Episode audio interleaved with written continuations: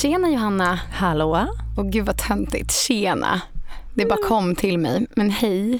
Du börjar bli gammal. det kan vi konstatera. Det gör vi väl typ en gång om dagen. Ja. Men eh, jag kommer alltid ha några upp på dig. ja, Men- ja. Ah, Du, vi är uppe i viktiga avsnitt 25. Mm. Lite halvjämnt. Ja, jag håller på att säga ett kvarts sekel, men det är det ju inte alls. Men det är en fjärdedel av hundra och det känns mäktigt. Ja, Tiden eh, springer. Vi borde gå ut och fira det om det inte är så att vi har en lugn vecka efter lite väldigt mycket firanden förra veckan. Ja, vi kan fira det med att bara gå typ ut på en promenad.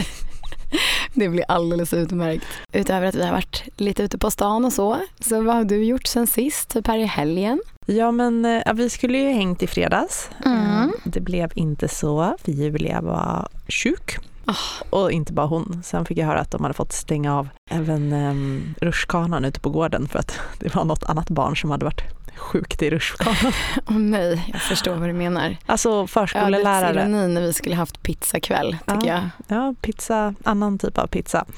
Mm, Eh, mm, jag har bara mm. konstaterat förskollärare, vilka hjältar det är och vad mycket Ja. Äckel de får eh, liksom, ta hand om. Verkligen hjältar. Åh, men det mås bättre nu eller? Ja, ja, absolut. Eh, det mås bättre. Så jag har haft en väldigt, väldigt, eh, vad ska man säga, ung och hipp helg. Magiskt, väldigt ung och hipp. Jag, jag kan jacka på den. Jag var på möhippa här i stan. Sjukt trevligt. Det är ändå, jag tycker det är bra att normalisera en möhippa som inte behöver vara, kosta 15 000 att åka utomlands. Nu ska jag säga att jag har inte varit på någon sån, men jag bara hör om det. Mm. Jag tycker det låter dyrt. Det, det, jag tycker, vi hade så trevligt. Det var för Emmy, våran eh, gamla kollega och vän. Det kändes ändå som att man är uppe i en så kallad ålder. För eh, delvis så, eh, ja men vi, vi var absolut, vi körde karaoke, det dracks kava. Men vi körde också charader med svenska ordspråk som tema. Det var ungt och Oh. hippt. Ungt och hippt men oväntat trevligt. Väldigt kul. Ja, men lite karaoke på det. Sen måste jag berätta om en liten annan händelse. Vi sågs inte i fredags men jag var hos frissan. Det här har inte så mycket med våran podd att göra och ekonomi, men, men- bara livet i allmänhet. Ja, och det här vill jag höra, för jag bara såg något fladdra förbi och jag fattade absolut i, i, en, i, i, En chatt. i en chatt och jag fattade ingenting. Att, Nej, eh, men jag var hos frissan. Stolen bredvid så sitter René Nyberg. Jag är klar, får min regnrock utav eh, min frisör, Oj, går tillbaka, hänger på kontoret, tar något möte, hej och. Sen ska jag gå från jobbet och då snackar vi en timme senare typ. Och då ser jag att okej, min beiga regnjacka den är grön längst ner. Och bara helvete. Jag har alltså hängt den över armen för det var regn när jag gick dit och det var soligt när jag gick tillbaka. Så jag har bara hängt den här med luvan då som hade samma färg som min luva och liksom hela ovansidan över armen, gått tillbaka till kontoret, slängt av den typ på någon soffa och sen så bara ser jag att så här, gud den är inte min och det är eh, några lyxiga bilnycklar i, hemnycklar. Så jag får ju liksom pallra mig tillbaka till frissan och bara känna så här, men gud, i och med att min frisör inte heller visste att jag hade fått fel Nej. så kanske han inte kunde reda ut ifall det blir kris och panik där liksom i salongen och bara ah, det är en jacka som är borta. Och när jag kommer dit, vems jacka var det? Det är klart att jag hade fått med mig René Nybergs fucking jacka. Men eh, ja, slutet gott, allting gott. Vi stod och snackade lite om det och jag bara Var hon kvar? Ja som tur Ja, var för hon kom strax innan, ja, ja, hon kom senare än jag gjorde. Vilken Så tur. hon satt kvar. Men, Så hon hade inte fått den här, den här döden-upplevelsen liksom, när man bara, var är mina nycklar och bilnycklar och hemnycklar? Nej, jag kanske gav henne en liten scare. Det är lite precis som jag har hört ryktas om att banker kan ha som strategi att ringa upp en kund och bara Vi såg att eh, ditt kort blev skimmat på några hundratusen här men det är löst nu. Man kommer utan att ha förstått att det har varit ett problem. Nej men så var det med det. Okej Johanna, vi går över till ett klassiskt litet nyhetssvep och en eh, liten följetong här som det var länge sedan vi touchade på men som jag bara eh, studsade när jag såg. Den gode Ron DeSantis som är guvernör i Florida, nu har han varit ute och vevat igen. Alltså får man säga vilket stolpskott. Det var ju han som tidigare förbjöd att, det var väl för pensionsinvesteringar, att man inte fick investera hållbart. Ja. Som enda delstat har jag hört. Så- Katastrof. Och eh, nu har han uppat det här med att faktiskt tacka nej till 346 miljoner dollar i federalt stöd för den här gröna omställningen. Och då så här, trots alla naturkatastrofer runt om i världen. Men senast nu i helgen bara i Florida.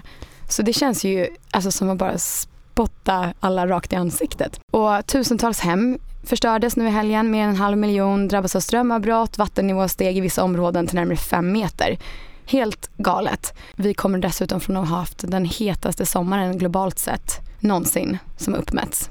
Ja, Florida är ju alltid utsatt. De har ju sin orkansäsong som kommer en gång om året och precis har börjat nu. Det kommer förmodligen bara bli mer och mer extremt. Och ändå tackar han nej bara för att prove a point att han inte tänker vara med på Bidens liksom, klimatspår. Det är så, så otroligt rubbat och jag, jag, tänker att företagarna i Florida borde bli upprörda. Mm. Alltså alla de som kan eh, gynnas av den här typen av investeringar. Ja, men det här stödet hade ju kunnat hjälpa många. Många bolag som försöker tänka nytt. Ja, de kommer väl förmodligen att flytta därifrån, ja. byta, byta bas. Precis, eller så har de så noll skatter som inte gör det. Men, men, ja. Eh, men absolut, det är ju helt rubbat och när det är, ja, men där låter man ju verkligen identitetspolitiken gå före allting annat. Mm. Och inte, alltså noll realpolitik, bara identitetspolitik. För som du säger, Florida är ju jätteutsatt. Det är orkansäsonger och allting. Ja. Havsnivåhöjningar är ju jättehot mot mm. Eh, de stora städerna i Florida. Så att, ja. Eh, otroligt märkligt. Alltså once again så är det typ en stött liten pojke som ska få komma och bara, mm, nej. Small dick energy. Ja. Apropå small dick energy, jag skojar. Nej, inte alls. Men eh, jag läste om tyska sjukan. Det är ingen ny pest eller för den delen könssjukdom, thank God. Men eh, likväl något som kan smitta. Och eh, internationella valutafonden IMF har pekat ut Tyskland då som det enda landet i G7-gruppen som kommer ha en minustillväxt i år. Senast förra veckan så kunde dagens PS rapportera om den fördjupade krisen i Tysklands ekonomi. Och de har en försvagad industrikonjunktur och ett försämrat affärsklimat, BNP dalar och tillväxten stagnerar. Och i och med att det är Sveriges största exportmarknad tydligen och en av våra största handelspartner så kommer liksom vi förmodligen bli smittade av det här. Som om vi inte var drabbade nog utav lågkonjunktursfeelings. Och dessutom så späds det här problemet på utav att vi har en så eh, risig växelkurs helt enkelt. En liten double whammy återigen. Ännu en liten kortis. Jag tycker det ser man i alla fall mycket av här i Stockholm, säkert i många andra städer, städer också. Mycket nybyggnationer. Nya bostäder, eh, bostadsrätter och med det så vet man ju också att det är nybildade föreningar. Och det här verkar då många ha dragit öronen åt sig kring. För då vet vi att nybyggda, eller nya föreningar, förmodligen större skulder, bostads och fastighetssektorn som har problem och framförallt nu med ökade räntor och så vidare. Och eh, tydligen så är avbokningarna hela 65% på nybyggda bostäder, alltså sina kontrakt enligt SBAB och Booli. Så nyproduktion, det känns som att det är lite av en kris där helt enkelt. Ja men det är det nog eh, verkligen. Jag tycker man ser inte lika mycket liksom, nya projekt som verkar starta mm -mm. igång som man gjorde för några år sedan när det var liksom, man hörde om ny att det skulle komma nya bostäder och så. Det... Jag tycker jag dök upp i reklam hela tiden, ja. kanske riktat visserligen men ändå. Ja, nej men det är nog, eh, det är nog väldigt mycket svårare och då, det är ju de som vill ta sig ur då, det är ofta, man, vad är det, man brukar betala liksom ja, 100 000 eller någonting först bara för att... Jag tror typ 10% brukar det vara. Men inte det när det närmar sig lite? Först ah, har, det kanske det är. Ja. Just det, det kanske är bara för att signa upp sig då. Jag tror att det är det och den, den får man väl inte tillbaka då om man ska... Nej. nej. Så, men då menar man kanske att det är värt. Ja. Positiva nyheter på bostadsmarknaden. Ja. Eller jag vet inte om jag tycker det här är så positiva nyheter för jag tyckte det var en riktig fjompig rubrik faktiskt. Eh, jag läste i eh, ja, alla tidningar men jag fastnade vid en här i Sven, eh, Svenska Dagbladet, Näringsliv. Villapriserna rusade i augusti. Tänkte oj oj oj, nu har bostadsmarknaden tagit liksom. Det bara yes, yes, yes. ja, precis. Men alltså sett till riket och rensat för säsongspåverkan så är då prisuppgången 1% för villorna i augusti och oförändrat för bostadsrätter. Okej, okay. Fan vilken... Eh... Vilken rusning. Ja. Och, eh, på, på, och som, på helåret då så är ju, har villapriserna sedan våren 2022 fallit med 14 procent. alltså, att det gick upp en procent då i... Ja. Jag tycker inte det var... Men nu, glaset är halvfullt. Det... ja, det, det, är lite mer helfullt, eller det är åtminstone halvfullt då i norra Sverige, vårt, vårt, vår favorit-area. Mm. Eh, där steg då priserna i snitt med 7,2 procent jämfört med månaden innan. Men det är inte säsongrensat då så att jag vet inte. Mm -hmm. För det lät ju ändå lite Ja det lät mer. jättemycket men eh, dra ner lite. Det, jag får ingen siffra på det. Men eh, ja, norra Sverige fortsätter att eh, levereras. Vi fortsätter göra reklam för det här i alfahonor. Eh, så att ehm, ja men eh, norra Sverige, skicka, skicka oss lite pengar så gör vi lite mer reklam. Okej Johanna, du har en till liten grej att dela med dig av. Ja, men om cirka två veckor kommer ju, eller inte ens två veckor, mindre än två veckor, en och en halv vecka, då kommer ju den stora höstbudgeten i sin helhet, proppen även kallad, eh, eller 20 september, så det är två veckor, förlåt. Skitsamma, redan igår, söndag kväll, så smögs det ut en ganska, tycker jag ändå, förvånande nyhet för att vara från en moderatledd eh, regering. Mm. Och eh, det är som så att då släppte de nyheten att de inte kommer indexera upp brytpunkten för statlig skatt i år. Vanligtvis så höjs ju brytpunkten för när man börjar betala statlig skatt. Med inkomstbasbelopp, rarara. Ja, precis. Med, eller med, med ja, prisindex tror jag. Det är inte löneindex. Ja, skitsamma. Mm. Den brytpunkten skulle ha höjts eh, från 51 000, vilket är i år. Så på alla inkomster över 51 000 betalar man statlig skatt. Och så skulle det indexeras upp väldigt mycket till 57 000 mm. nästa år i och med att det då eh, följer eh, de här inflationen? Mm. Ja, inflationen, prisbasbeloppen. Mm. Eh, och då, då skulle man kunna säga att ja, men i och med att ja, det innebär 1100 kronor mindre i skatt för en person som tjänar 57 000 kronor. Om man tjänar 57 000 kronor i år och 57 000 kronor nästa år så skulle då Det skatt... skulle ha varit liksom... Och det är ju det här som är praxis, att man, mm. att man indexerar upp den här brytpunkten men då eftersom inflationen varit så hög så skulle indexeringen nu det här året bli... Så, Skjuta i rätt högt. Ja. Mm.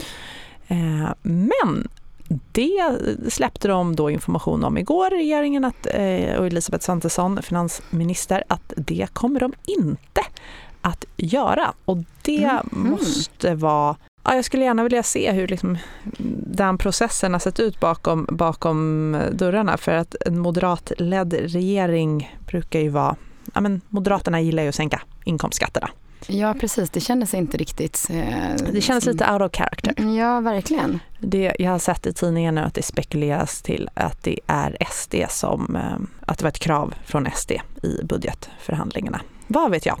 Mm. Eh, finansministern säger i alla fall att i valet mellan att göra en ytterligare historisk uppräkning eller se till att vanliga löntagare också i andra inkomstklasser får en skattesänkning så är det rimligt att göra detta. Det här är rätt och rättvist, eh, säger då Elisabeth Svantesson. Men som mm. sagt, jag tror att det inte jag tror inte att det är helt eh, smärtfritt det här beslutet i de moderata leden. Men det var gårdagens mm. nyhet. Idag, så kom, idag måndag så kom ju då nyheten att de istället kommer att införa eh, ett ytterligare jobbskatteavdrag. Och eh, det är då något som ska eh, gå brett och störst skattesänkning i procent går till låginkomsttagare men i absoluta tal blir det störst skattesänkning till de med högre inkomster. Och taket på när skattesänkningen slutar så att säga, eh, det går vid 38 600 kronor. Eller då blir det ingen, det blir ingen ytterligare skattesänkning även om du tjänar över 38 000 kronor. Men till siffrorna. Vad innebär det här? Cash i fickan. Mm. Och då presenterade de inga, inga siffror eller tabeller som man kan ta del av. Men eh, finansmarknadsministern uppgav eh, att avdraget stiger upp till 38 600 kronor och därefter ligger mer flackt och det kommer att handla om cirka 1000 kronor i månaden i lägre skatt för medelinkomsttagare. Så vi får väl se om det, om det stämmer när det, när det kommer eh, lite mer siffror på det. Spännande. Som du sa, mm. lite out of character men eh, uppfriskande. Ja. En sista liten omvärldsspaning då, eller hänt i veckan. Det är ju om um, DeSantis i Florida hade liksom small dick energy så har väl Nobelkommittén big dick energy. De går ut hårt och på mindre än 24 timmar lyckades de mer eller mindre slakta ett varumärke som liksom är ett av de starkaste varumärkena nej men i deras beslut att nej men i år så tar vi och bjuder in även Ryssland, Vitryssland och Irans ambassadörer till eh, Nobelprisutdelningen i Konserthuset. Det här, ah. det, det, det blev ju reaktioner kan man ju säga. Ja men snacka om att försöka sitta på en hög häst och bara, vet ni vad, nu jävlar ska vi lösa de här diplomatiska, eller mm. rakt av krigen. Ja. Ja precis och tro att så här, nej men... Ja. Det här, nu ska vi alla mötas. Och... Men, men jag tyckte det var roligt att se hur eh, så fort Alltså hovet kom ju med uttalande att de var förvånade över beslutet och att kungen har ännu inte bestämt sig om han kommer medverka på utdelningen eller inte. Då tog det ju typ så här, tre minuter, sen kom det ett pressmeddelande från, från Nobelkommittén eller ett uttalande om att de hade ändrat sig. Man får, man får alltid ångra sig. Det är bra. Men så otroligt Backa. märkligt att ta ett sånt, eh, ett sånt jävla statement och inte stämma av det med hovet. För jag menar Nobelfesten utan kungafamiljen, det känns ju, ja jag vet inte. Ah, det hade väl okej kanske också varit lite uppfriskande ärligt talat, jag vet inte. Ja det nej, kanske hade varit, men nej, är, men inte, är inte någon, lite eh, deras... Någon PR-konsult, alltså det där beslutet måste ändå ha gått igenom några instanser. Ibland så eller, tycker man att det är ja, lite knasigt. Eller det kan ju alltså högst omöjligt ha gjort det. Ja, intressant. Bra, gör om, gör rätt. Okej Johanna, vi har kikat lite på en rapport från FI. Pirrar kanske inte till där ute när ni hör det. Men det handlar om hushållens ekonomi. Det är vi ju alla intresserade av. De har gjort det här, det är baserat på förra årets siffror så det är inte så här råfärskt men man har gjort massa intervjuer och det har varit både brevsvar och intervjuer helt enkelt. I deras sammanfattning så säger de att de allra flesta hushållen har en god och stabil ekonomi, man sparar regelbundet och har en buffert för oförutsedda händelser. Samtidigt anger ungefär en tredjedel av alla hushållen då som har svarat att man till och från drabbas av månadsutgifter som överskrider inkomsterna nu då förra året. Och det hanterar de flesta med egna buffertar men det är ändå en tredjedel som oroar sig för sin ekonomiska situation och pension. Och kvinnor är överrepresenterade här. Det de också kommer fram till som inte jag kände var helt groundbreaking, siffrorna är inte helt jämförbara, men det är i alla fall en ökad ekonomisk osäkerhet bland hushållen jämfört undersökningen 2020. Ingen major surprise där. Visserligen så var det ju jättetufft under månaden där eh, corona kom, där mars efter det så hade vi en jättebörsuppgång. Jättemånga nya sparare. Det gick upp. De flesta som sparade såg en ganska brutal avkastning. Ja, då hade vi inte heller inflation som vi har idag. Vi hade inte krig i närområdet, spänningar mellan Kina och Taiwan, eh, inte höjda räntor och kanske inte heller hade drabbats av några högre elpriser. Så ja, jättebra undersökning. Kanske kan titta på lite närmare siffror från det men just det där kanske inte var så jättesurprising. Det är oroligare nu ju. Ja, ja. Okej, men den här rapporten har också bett respondenten att svara lite på vilka påståenden som stämmer in på dig eller din situation. Och något som känns positivt här är att det är en ganska stor majoritet som litar på leverantörerna av finansiella tjänster och att de behandlar en rättvist och att man är ärlig när det gäller pengar även om det skulle sätta mig i ekonomiskt underläge. Och kvinnor tenderar faktiskt också vilja prata mer om ekonomi än vad män gör. Men, nu ska vi se, var åttonde, nionde man vill diskutera sin ekonomi medan var fjärde kvinna vill göra det. Så jag hoppas att vi uppmuntrar till det hos båda könen. För det, ju mer man pratar om det desto mer medveten blir man och ja, det är väl bra att diskutera saker även när det är som nu lite tjorvigt. För då kanske man också kan vara, men vi försöker ju vara ärliga med det också, att det är svårt nu och man ska inte sitta på någon vara så högtravande. Det är klurigt. Och delar man det med varandra så kanske man ändå får en pepp att försöka göra sin situation lite bättre. Och också att det är helt okej. Okay. Att det inte är så här, man kanske inte är bäst på att spara nu men man kanske har det som mål i alla fall. Och jag tror att det finns en hel del så här, eh, fortfarande lite enkla grepp som eh, man kan göra eller som många människor kan göra för att få lite bättre koll också och minska risken att man också hamnar i en mer tjorvig situation. För om man tittar på de här resultaten då från, från frågorna eh, så har de ställt lite frågor kring eh, ja, men, hur man planerar sin ekonomi. Och då är det 77 procent som säger att de har håller koll på utgifterna. Det, det borde ju ändå vara typ 100 kan man tycka. Och 69 procent säger att de håller koll på räkningar och förfallodagar för att inte missa dem. Och det är väl toppen, men bara 36 procent säger att man håller pengar för månadens räkningar åtskilda från andra mer dagliga utgifter. Där tror jag att det skulle gynna ganska många att liksom ha ett separat räkningskonto och sen mm ja, men när, där när pengarna, grejer dras. Ja, när pengarna kommer, där man lägger upp autogiron på det man liksom har. Men mm. så när man får in lönen på kontot, man har sitt autogiro som dras till sparandet, Ehm, alltså sparande i fonder, aktier, whatever. Ehm, man har ett, eh, litet buffertsparande om man behöver bygga på det men man har också en automatisk överföring som går från ens liksom lönekonto över till någon slags räkningskonto. Alternativt ja, boendekostnader och hela... Ja, och sen då vet man att okay, det som är kvar, det är vad jag har att eh, röra mig med nu. Ja, då får man ju också lite bättre grepp och då kan det vara så här, man ser att ja, jag har ganska mycket pengar kvar här. Varför tar de slut varje månad? Ja, men det kan ju vara en väckarklocka för att man har en liten högre burn rate så att säga. Men eh, Exakt. Att bara 36 procent hade det åtskilt, det förvånade faktiskt mig. Och jag vet inte om mm. det är en generationsfråga. För det här var ju i befolkningen som helhet. Mm. Och um, det har ju bara blivit enklare och enklare och enklare att starta upp ett konto också idag. Man kan göra det själv i internetbanken alltså, eller i appen. Mm. Um, så att medan tidigare jag vet bara när jag jobbade i kundtjänst på, på Nordea, jo men man kunde nog, men då hade man nog inte, alltså det här, nu pratar vi 15-20 år sedan. men 15 kanske, 20, 15, 15 år sedan. Mm. Um, man kunde nog göra det i internetbanken då, men det var nog ganska nytt. Liksom. Så att, mm. jag vet inte om det är en generationsfråga, men jag tror att det skulle gynna många att ha ett litet, ja, dela upp det. Agreed. Men ett annat resultat här det är ju att de senaste 12 månaderna så har 73 procent förvisso sparat på vanligt konto i bank och det är väl bra.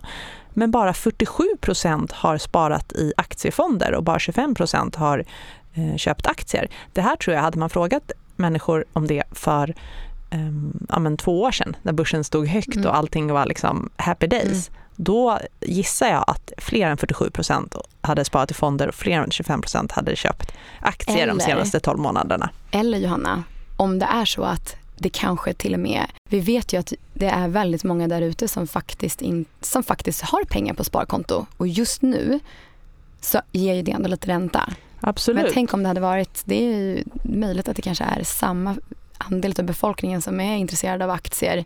Och att det, för sig, du har rätt, det var, ökade ju på fler då. Men eh, ja. Jag tänker bara att så här, när börsen går ner kraftigt, det har varit turbulenta mm. börstider, man ska ju fortsätta ha ett månadssparande mm. i aktiefonder eller aktier och inte bara dras med i uppgång. Och eh, ja, men kanske en sista grej här, vi får se, men jag eh, ser att det är en väldigt betydande andel som anger att de tycker att det är viktigt att investera i företag som strävar efter att minimera sin negativa påverkan på miljön. Och även då när det kommer till det här med etik och moral och social påverkan. Ja, det har vi sett förr, men det är en större andel kvinnor som anser det. Men det är ändå en stor majoritet som ändå tycker att det är viktigt. Ja, kvinnor är det smartare könet. Det har vi också konstaterat förr. Okej, en sista grej också på det temat. We love you guys out there. Alltså verkligen eh, guys på, på riktigt. Det, den här klassiken, hur du bedömer din egen förmåga. Det är fler män än kvinnor som tänker att man har bättre övergripande kunskaper om ekonomiska frågor än snittet. Ja, ja vad ska man säga? Big Everyone needs the confidence of a white middle-aged man. Kloka slutord. Men ja, Johanna, tack för idag och eh, tack alla ni som lyssnar där ute. Ja, kvinnor som män. Jajamän. Tycker om er alla. Hör gärna av er med förslag på vad ni tycker att vi ska prata om. Ja, gör det. Så hörs vi nästa vecka. Ha det gott. Hej hej.